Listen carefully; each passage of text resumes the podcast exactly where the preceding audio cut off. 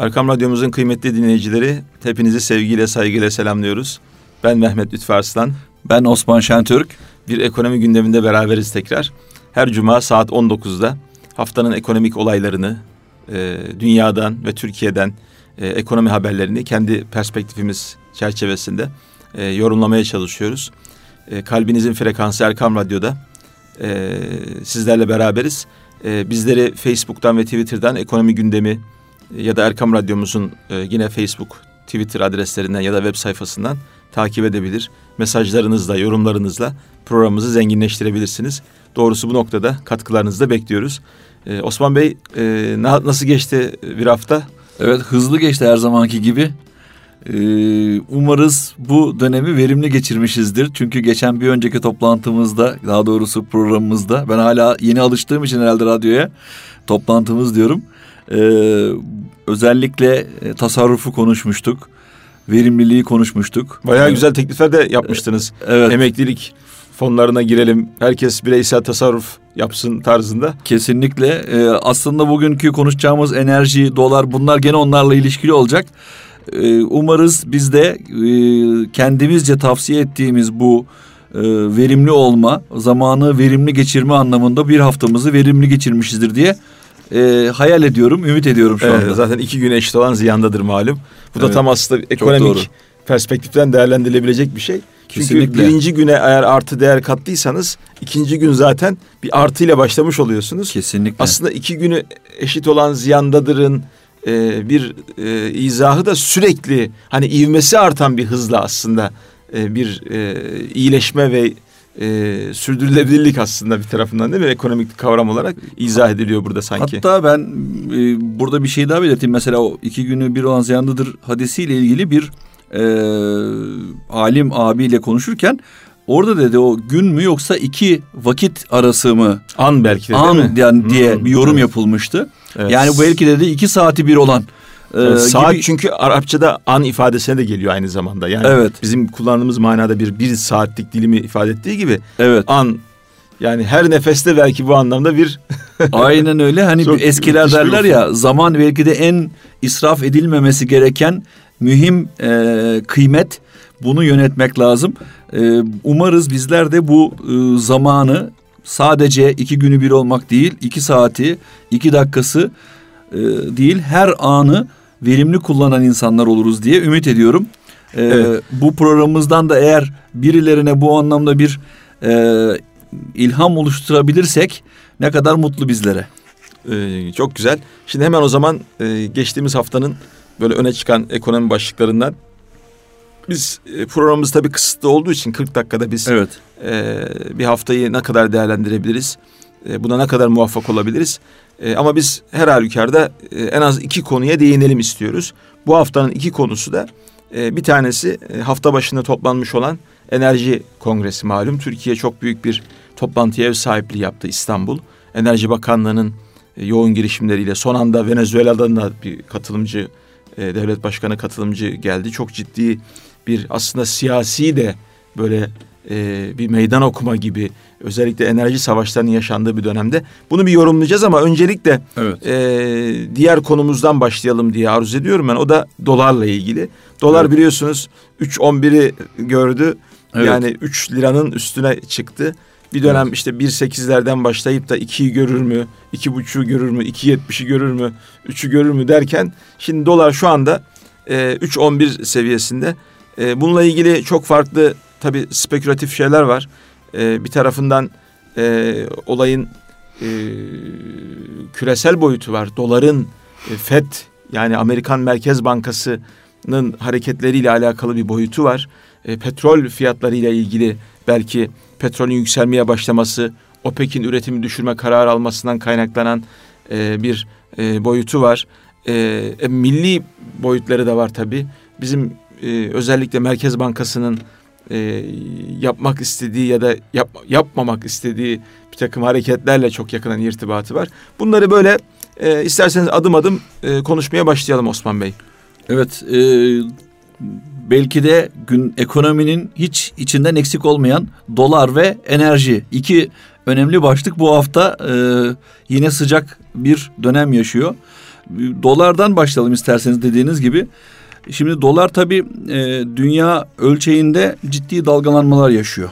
E, özellikle e, Amerika'nın son yıllarda yürüttüğü hem dış siyaset politikaları bunu çok etkiliyor. Aynı zamanda da bununla paralel bir şekilde kendi iç e, Federal Reserve dedikleri e, merkez bankalarının nezdindeki para politikaları ile birlikte özellikle de o e, mortgage krizinden sonraki dönemin içerisinde ciddi bazı e, şeyler yapıyorlar, e, hareketlerde bulunuyorlar.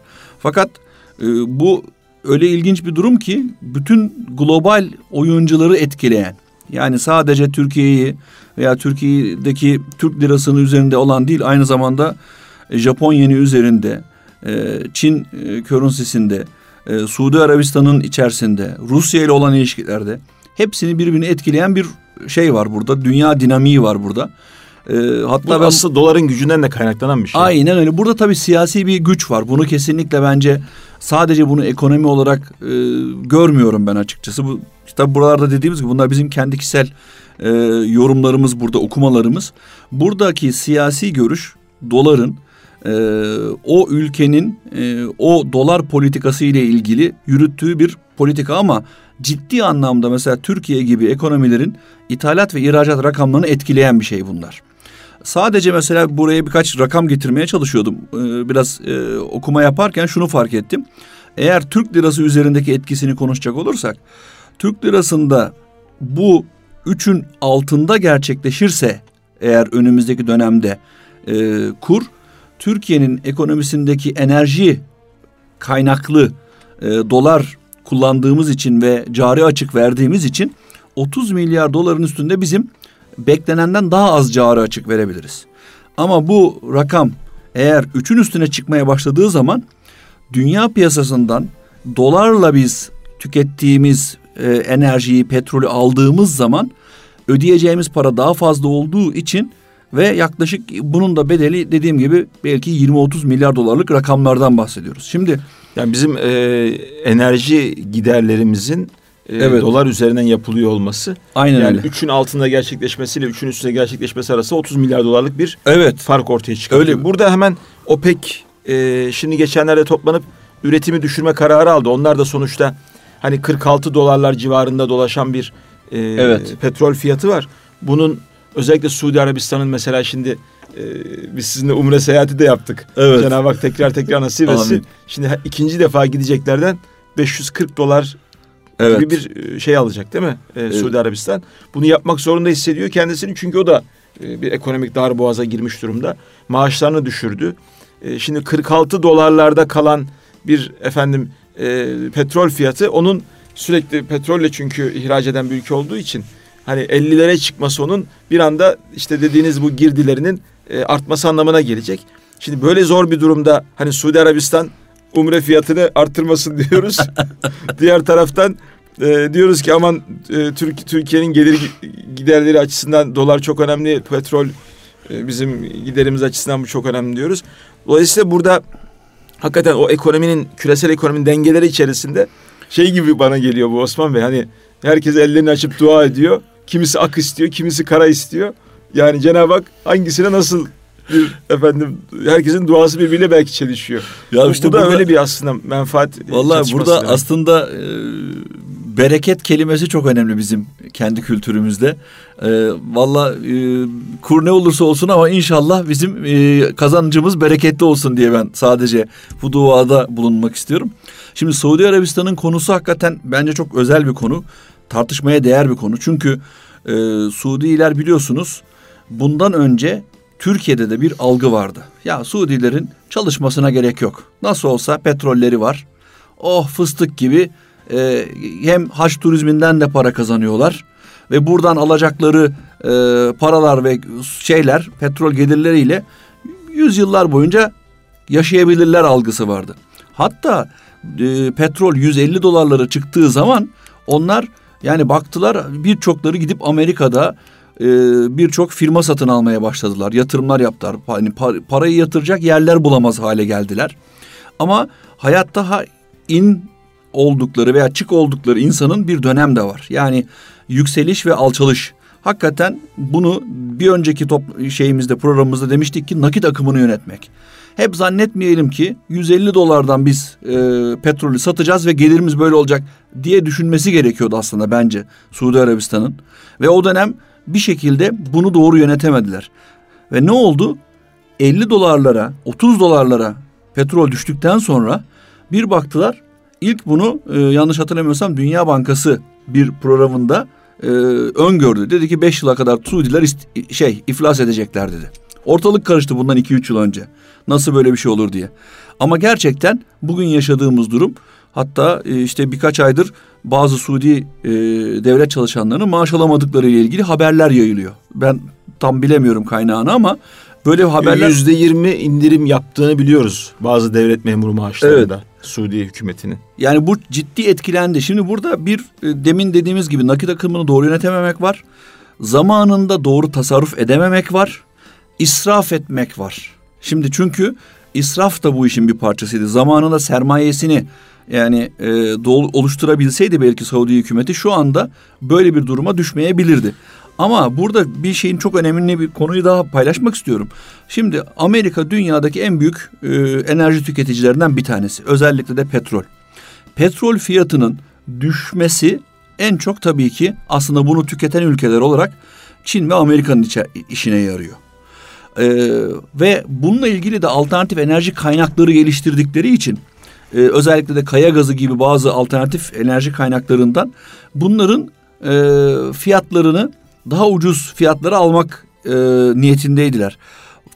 Dünya ölçeğinde petrol üreten OPEC ülkeleri bir araya gelip onlar bir anlamda koordineli bir şekilde bunun 100 doların altına inmesi, 50 dolarlara inmesini planladılar. Çünkü fiyat indikçe Amerika ve diğer kaynakların bu kaya gazı gibi kaynakları üretmesi fizibilitesini kaybetti.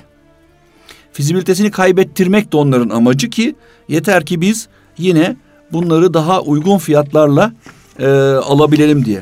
Burada isterseniz bu kaya gazı ile ilgili hemen bir ufak e, bilgi vermek istiyorum ben. Buyurun. E, bir e, kaya gazı dediğimiz yeni bir enerji türü işte kayaların arasında sıkışmış aslında doğal gaz. Evet. E, ve çıkartılması demin de dediğiniz gibi Hı.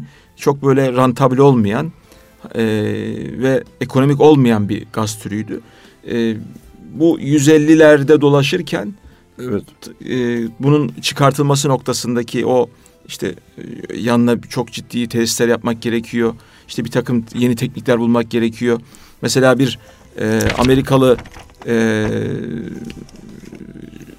bir mühendis tarafından bulunan bir e, George Mitchell diye bir mühendisin bulduğu bir e, hidrolik çatlatma basınçlı su ile yatay sontaj tekniğiyle e, kaya gazı e, ilk defa kullanılabilir hale gelmiş. E, ve 1997'den bu yana Amerika ilk defa ithal ettiğinden fazla petrol üretmeye başlamış.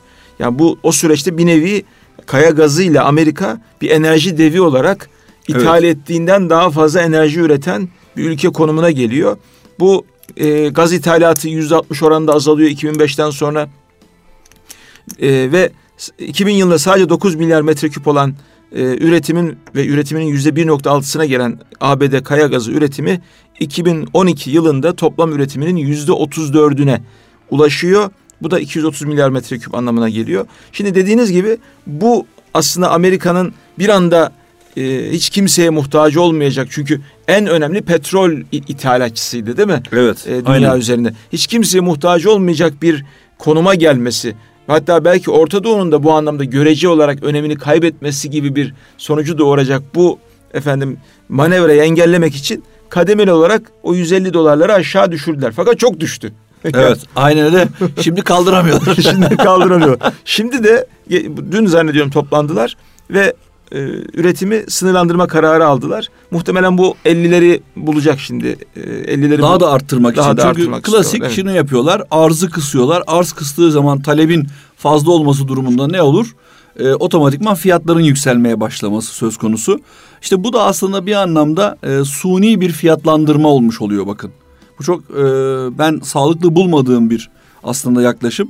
Çünkü e, insanları belli bir kıtlığa mahkum ederek o kıtlığa mahkum ederekten siz sanal fiyat oluşturmaya başlıyorsunuz. Evet bu Allah ve Resulü'nün de istemediği bir şey yani. Yani hakikaten. evet ve dünyada işte o yüzden siz aynı ürün yani nasıl oluyor da 30 dolarla 150 dolar arasında yani e, 3-5 yıl içerisinde fiyatı oynayabiliyor. İşte buralarda da maalesef kara borsacılık kara borsacılık, işte spekülasyon gibi para kazanma yöntemleri türüyor. Bunlar işte çok tehlikeli. Bizlerin belki uzak durması gereken, dünyadaki adalet sistemini yaralayan, e, sarsan e, olaylar oluyor maalesef. Mesela bir e, aslı saadetten ilginç bir enstantane e, bir fiyatı Allah Resulü'nün belirlemesi istendiği zaman Efendimizin şöyle bir tabiri var. Fiyatları diyor Allah koyar diyor. Oh. Fiyatları Allah koyar. Şimdi bu tür bir hakikaten suni sizin gibi talep oluşturmalar, arz oluşturmalar bunlar e, işte 150 dolar nerede, 50 dolar nerede? Yani bunun böyle bir dalgalanma içerisine girmesi yani bizim gibi özellikle petrole muhtaç değil mi? Evet. Ee, ülkeleri çok ciddi anlamda işte işte demin çok güzel bir rakam söylediniz. Yani 3 doların altında olursak böyle 3 doların üstüne çıkar. Affedersiniz 3 liranın altına çıkarsa böyle üstüne çıkarsa böyle. Ne kadar bir 30 milyar dolar yani 7 milyar dolar biz bu sene turizmden e, bir kayıp yaşamışız. Yani Ve ne kadar etkiledi değil ne mi? kadar etkiledi yani çok çok ciddi etkiledi gerçekten. Şimdi dolayısıyla şeye gelecek olursak e, Osman Bey yani dolar niye yükseliyor? Türk lirası niye değer kaybediyor? Burada bizim Merkez Bankası'nın e, mesela faizleri düşürmemek, düşürmek daha doğrusu, yükseltmemek gibi bir şeyi var. Evet. Tavrı var. Bu birazcık da siyasi. Evet. Hani Cumhurbaşkanımızın özellikle evet. e, daha önceki Merkez Bankası yönetimiyle hı hı. E, yaşadığı e, şeyleri biliyoruz, polemikleri. Evet. Bu çerçevede acaba e, şimdi biz biliyoruz ki faiz aslında paranın fiyatı. Evet. Şimdi paranın fiyatının düşük olmasını istiyor Cumhurbaşkanımız diyor ki yani yatırım artsın. Bankalar çok rahat efendim insanlara, yatırımcılara kredi imkanı sağlasınlar.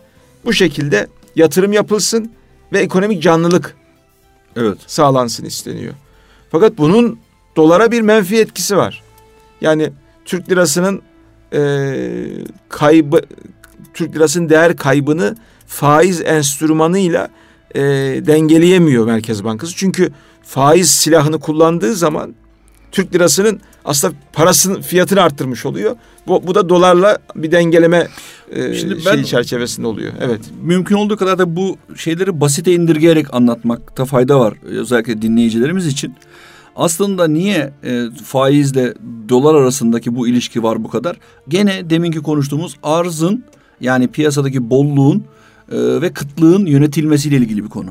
Yani siz Türkiye'deki faizler düştüğü zaman dış yatırımcıların Türkiye'ye getirdikleri para azalıyor. Niye? Çünkü o ülkedeki elde ettikleri faiz gelirlerinin azaldığı düşüncesiyle.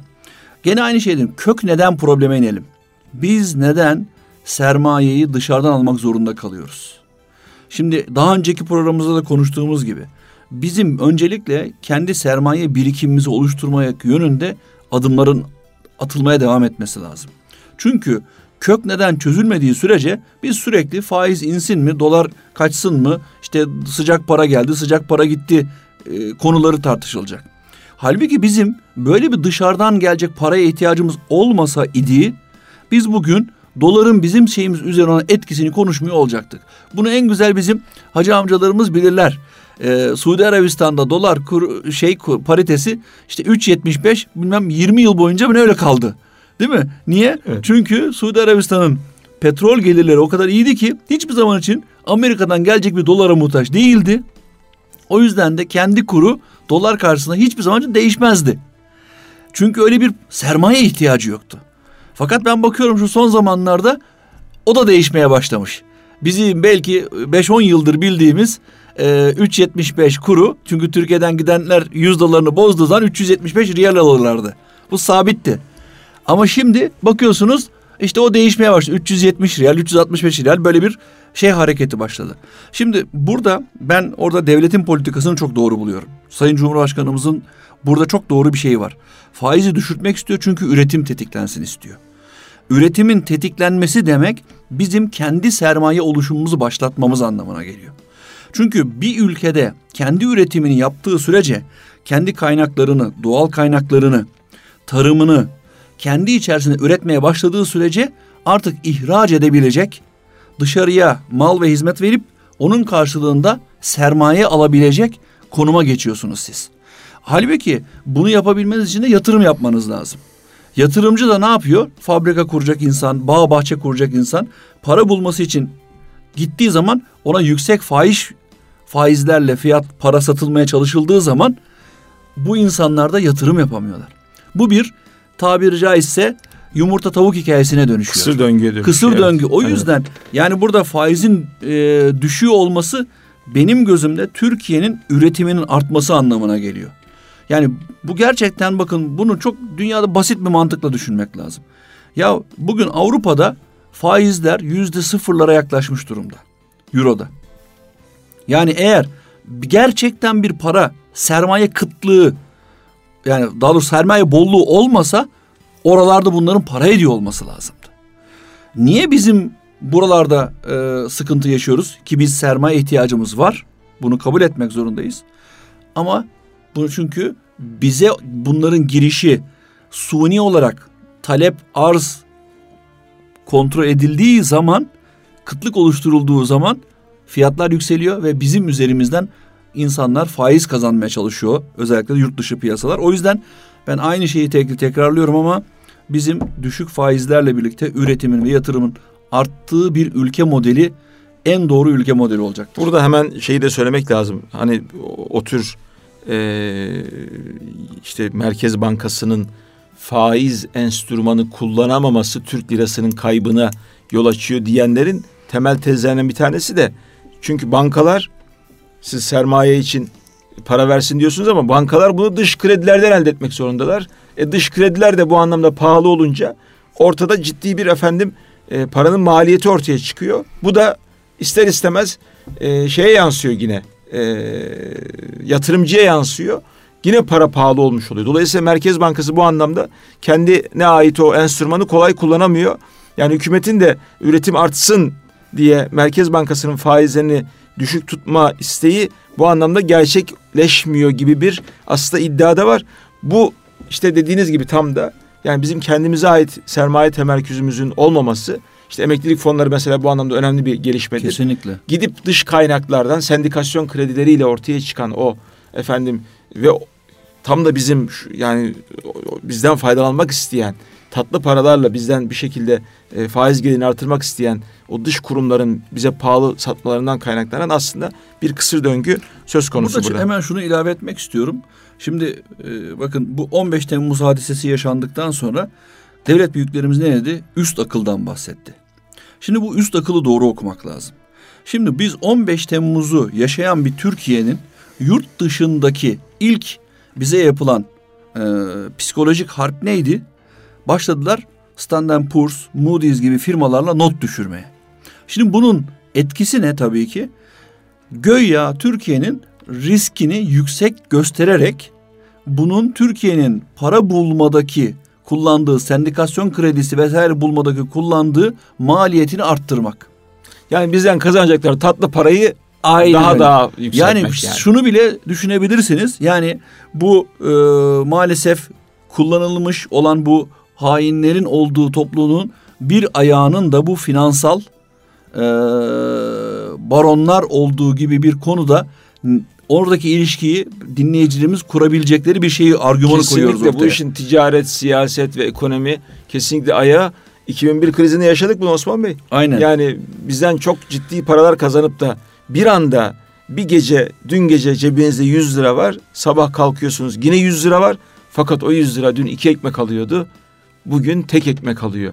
Nerede benim o tek ekmeğim? Nereye gitti bir gece içerisinde? İşte bu e, finansal işte, hırsızların aslında işte o yüzden bizim evet. burada tabii biz şu teoriyi kullanmıyoruz. Bunu doğru e, ifade etmemiz lazım. Biz dünyanın finansal sistemin entegre olmayalım, oradaki işlerine kopalım değil.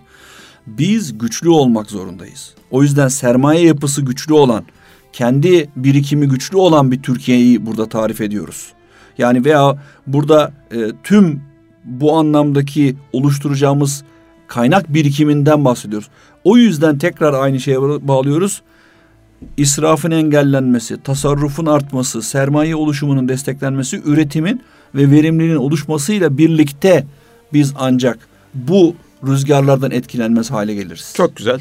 Gayet güzel bağladık. Şimdi hemen ikinci konumuza geçelim isterseniz Buyurun. Osman Bey. İkinci konumuzda e, kıymetli dinleyicilerimiz e, ekonomi gündeminde şu an kalbin frekansı Erkam Radyo'da Osman Şentürk ve Mehmet Lütfü Arslan'ı dinliyorsunuz. Bizleri Facebook'tan ve Twitter'dan Ekonomi Gündemi adlı e, Erkam Ekonomi adlı efendim web sayfalarından Twitter ve Facebook hesaplarından takip edebilir. Yorumlarınızı, sorularınızı paylaşabilirsiniz. E, ikinci gündemimiz hafta başından itibaren devam eden bugün zannediyorum son günü günüydü. E, enerji 23. Kongresi. Dünya Enerji, enerji Kongresi. Kongresi. Evet. evet. Şimdi hep bize e, Türkiye'nin yıllardır koridor olduğu, köprü olduğu hep söylenmiştir. Herhalde bunun en çok ortaya çıktığı e, konu şu anda enerji koridoru olmamız. E, çünkü e, çok ciddi bir enerji savaşları yaşanıyor. Neredeyse e, bütün belki o gerilimleri, politik bir takım o tansiyonları burayla irtibatlandırabiliriz. Bir tarafta Azeri gazı var, aşağıda İsrail gazı var. İşte zaten Orta Doğu'da ciddi bir neredeyse dünyanın petrol rezervinin yüzde ellisi Orta Doğu'da ve biz bu e, enerji rezervlerinin... Tüketen bir Avrupa var. Evet işte aynen öyle Avrupa'ya iletilmesi noktasında önemli bir ihmal edilemeyecek, üstüne basıp geçilemeyecek bir konumdayız. Cenab-ı Hakk'ın lütfettiği bir stratejik konum bu. Şimdi burada biz enerji meselesinde e, Osman Bey e, bu bir güç savaşı. Evet. Kesinlikle buna böyle bakmak gerekiyor. Evet. Ee, bir dönem mesela Yavuz Sultan Selim e, Han'ın e, Allah gani gani rahmet eylesin.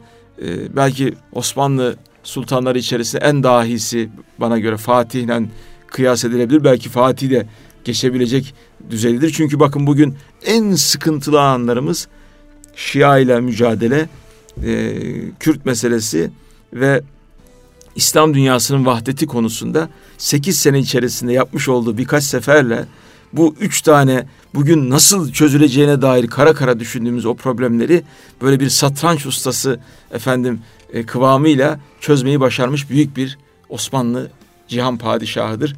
E, bu dünya iki padişaha fazla birine az diyen de e, yine Yavuz Sultan Selim'dir. Şimdi Yavuz'un mesela e, o özellikle doğuya yönelik seferlerinde en önemli gözden kaçan stratejik hamlesi aslında İpek yolunu kontrol etmekti ticaret yollarını kontrol altına almaktı. Hmm. Yani dolayısıyla evet. hani hilafetin gelmesiyle sonuçlanan kutsal emanetleri bize kazandıran o Hadimül Harameyn gibi bir büyük bir şerefi Osmanlı'ya kazandıran hamleler aslında Galata sarraflarından alınan borç paralarla ki Yahudidir onların birçoğu yapılan seferler o seferler işte ticaret yollarının Osmanlı'ya kazandırılması sonucunu doğmuş doğurmuştur. Bu gerçek bugün de değişmedi. Yani bir ticaret yolu ya da enerji koridoru gibi bir durum söz konusu ve e, yenilebilir yenilenebilir ve tükenebilir enerji kaynakları diye iki tane efendim e, konu başlığı var. Evet. Bir tanesinde yenilenebilir enerji kaynakları hani işte e, sürekli ve tekrar tekrar kullanılabilen güneş, rüzgar, hidroelektrik gibi. Buralarda inovasyon müthiş öne çıkmış durumda.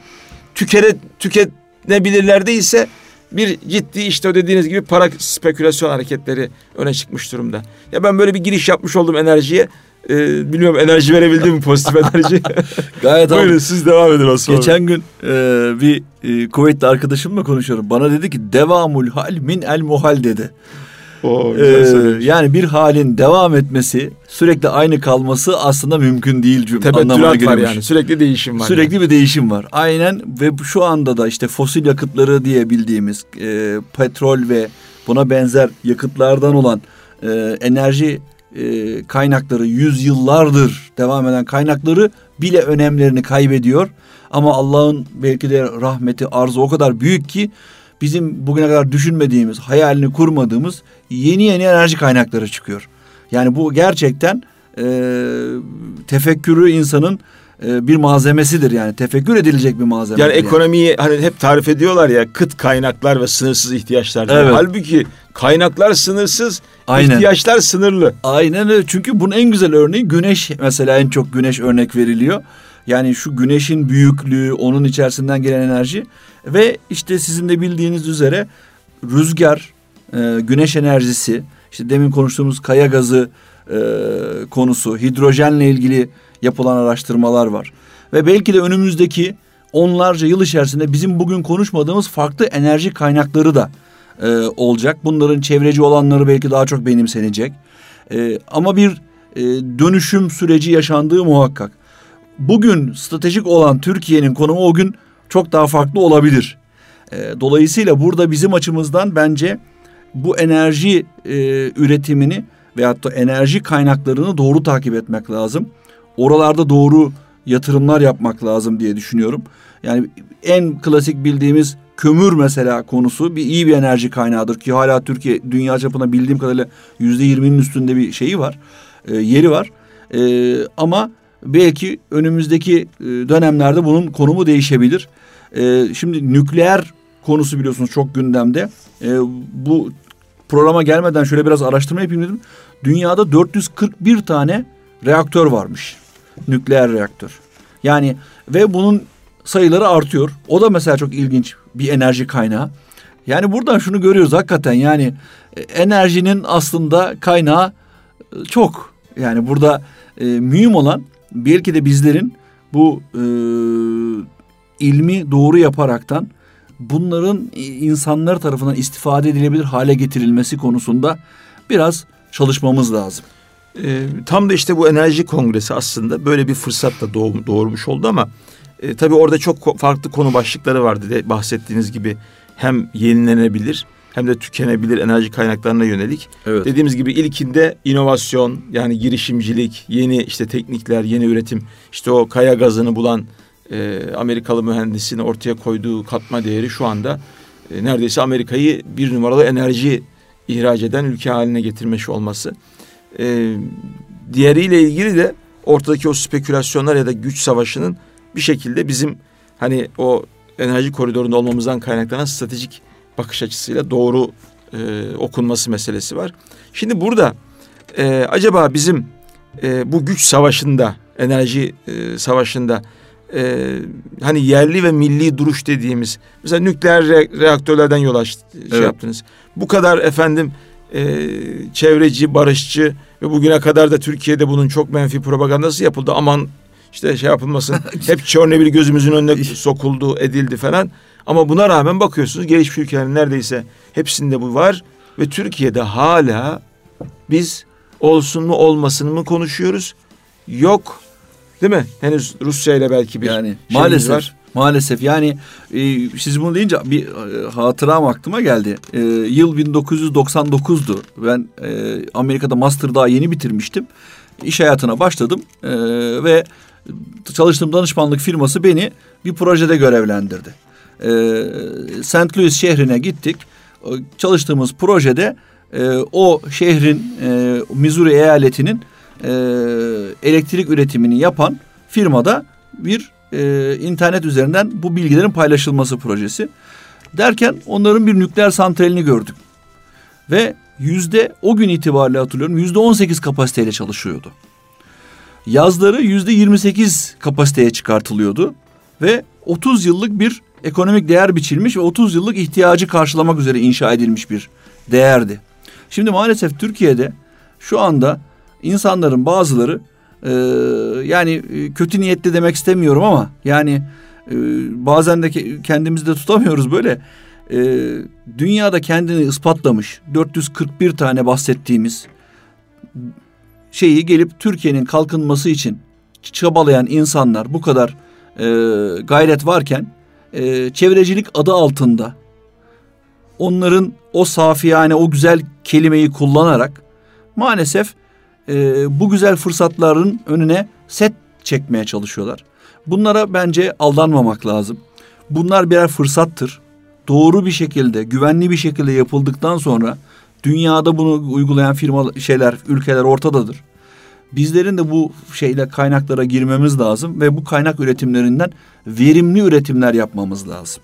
Yani e, kendimizi illa Türkiye'de işte kömür var, verimsiz kömür kaynaklarımızı kullanalım ama reaktöre girmeyelim gibi kısır döngülere girmemeliyiz. Burada e, basiretli tüccar mantığıyla hareket etmek gerektiği kanaatindeyim.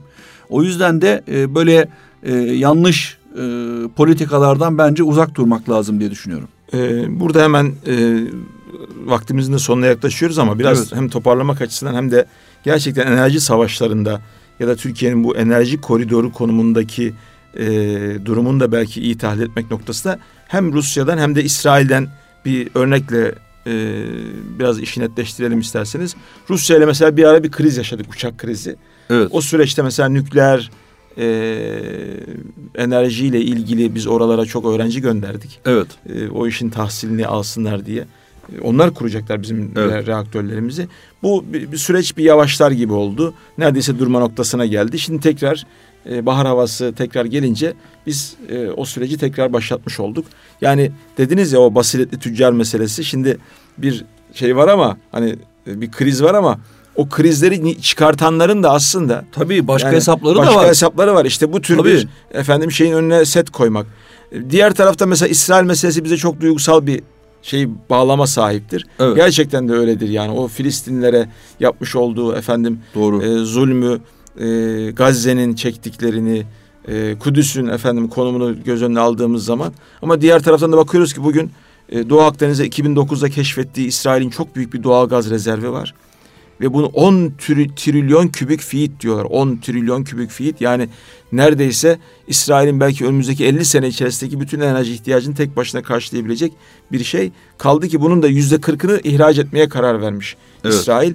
Ve bunun e, bir seçeneği e, bu zaten belki doğu, doğumuzdaki bütün o e, vur, vur kırdığının, DAEŞ'in, e, PYD'nin, işte PKK'nın belki Tabii, savaşların, savaşların belki de temel sebeplerinden bir tanesi o koridor meselesi. Kesinlikle. O koridorla mı iletilecek bu?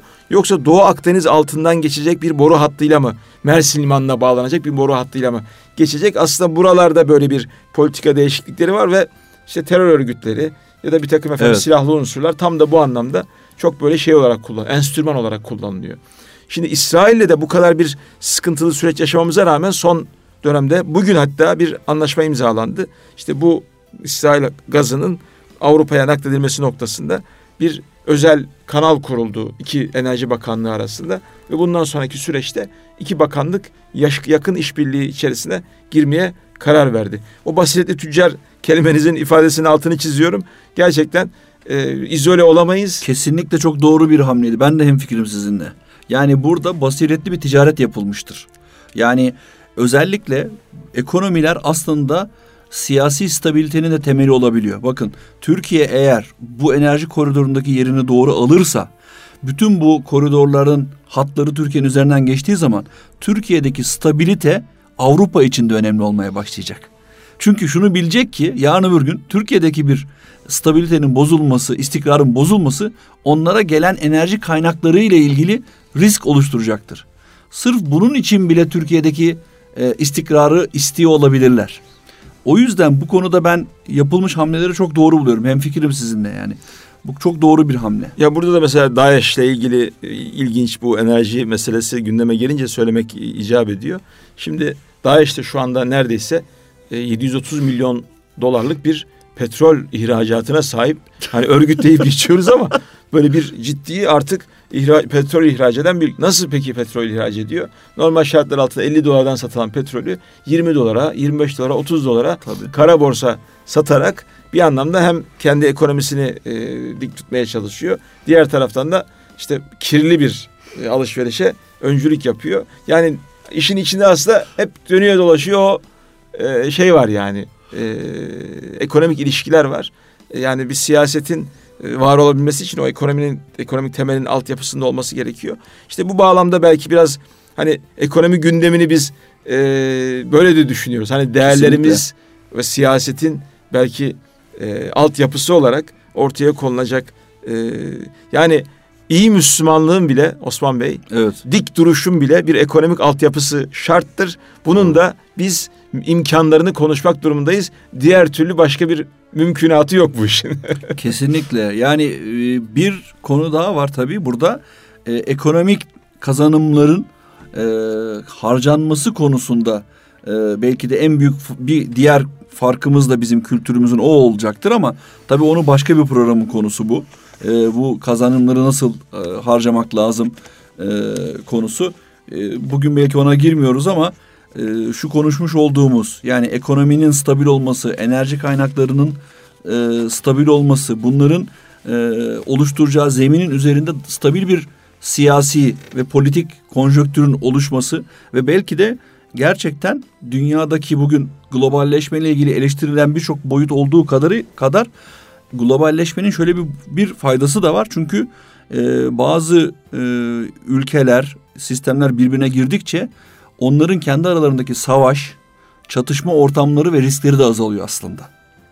Çünkü bu ekonomik ilişki onların e, bazı siyasi riskleri bertaraf etmesini gerektiriyor. Ya da birlikte göğüslemesi gerekiyor. gerekiyor. Çünkü bunun, beraber kazanıyoruz Rusya diyorlar. bunun en güzel örneğidir. Evet. Yani 6 ay önce bu kadar kavga ettiğiniz, gerildiğiniz bir yer beraber kazançlarınızı ortaya koyduğunuz zaman birdenbire işte orada basiretli tüccar cümlemiz burada geçerli.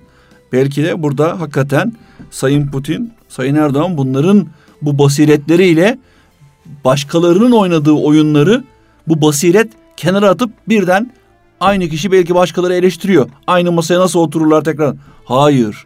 Çok basiretli bir hareket bence bu. Çünkü o ekonomik arkadaki gerekçeyi doğru görebilen insanlar ancak bunu yapabilirler. Bir arkadaşımız öyle bir yorum yapmıştı. E, müjde artık Türkiye-Rus ilişkileri e, tekrar rayına oturuyor. E, portakalı ve mandalinayı pahalayacağız bundan sonra diye. Çünkü iyisi o tarafa gidiyor diye. Gerçekten e, ben e, ilk programda da söylemiştim. Hani insanın ya nasiptir, tevekküldür, rızıktır.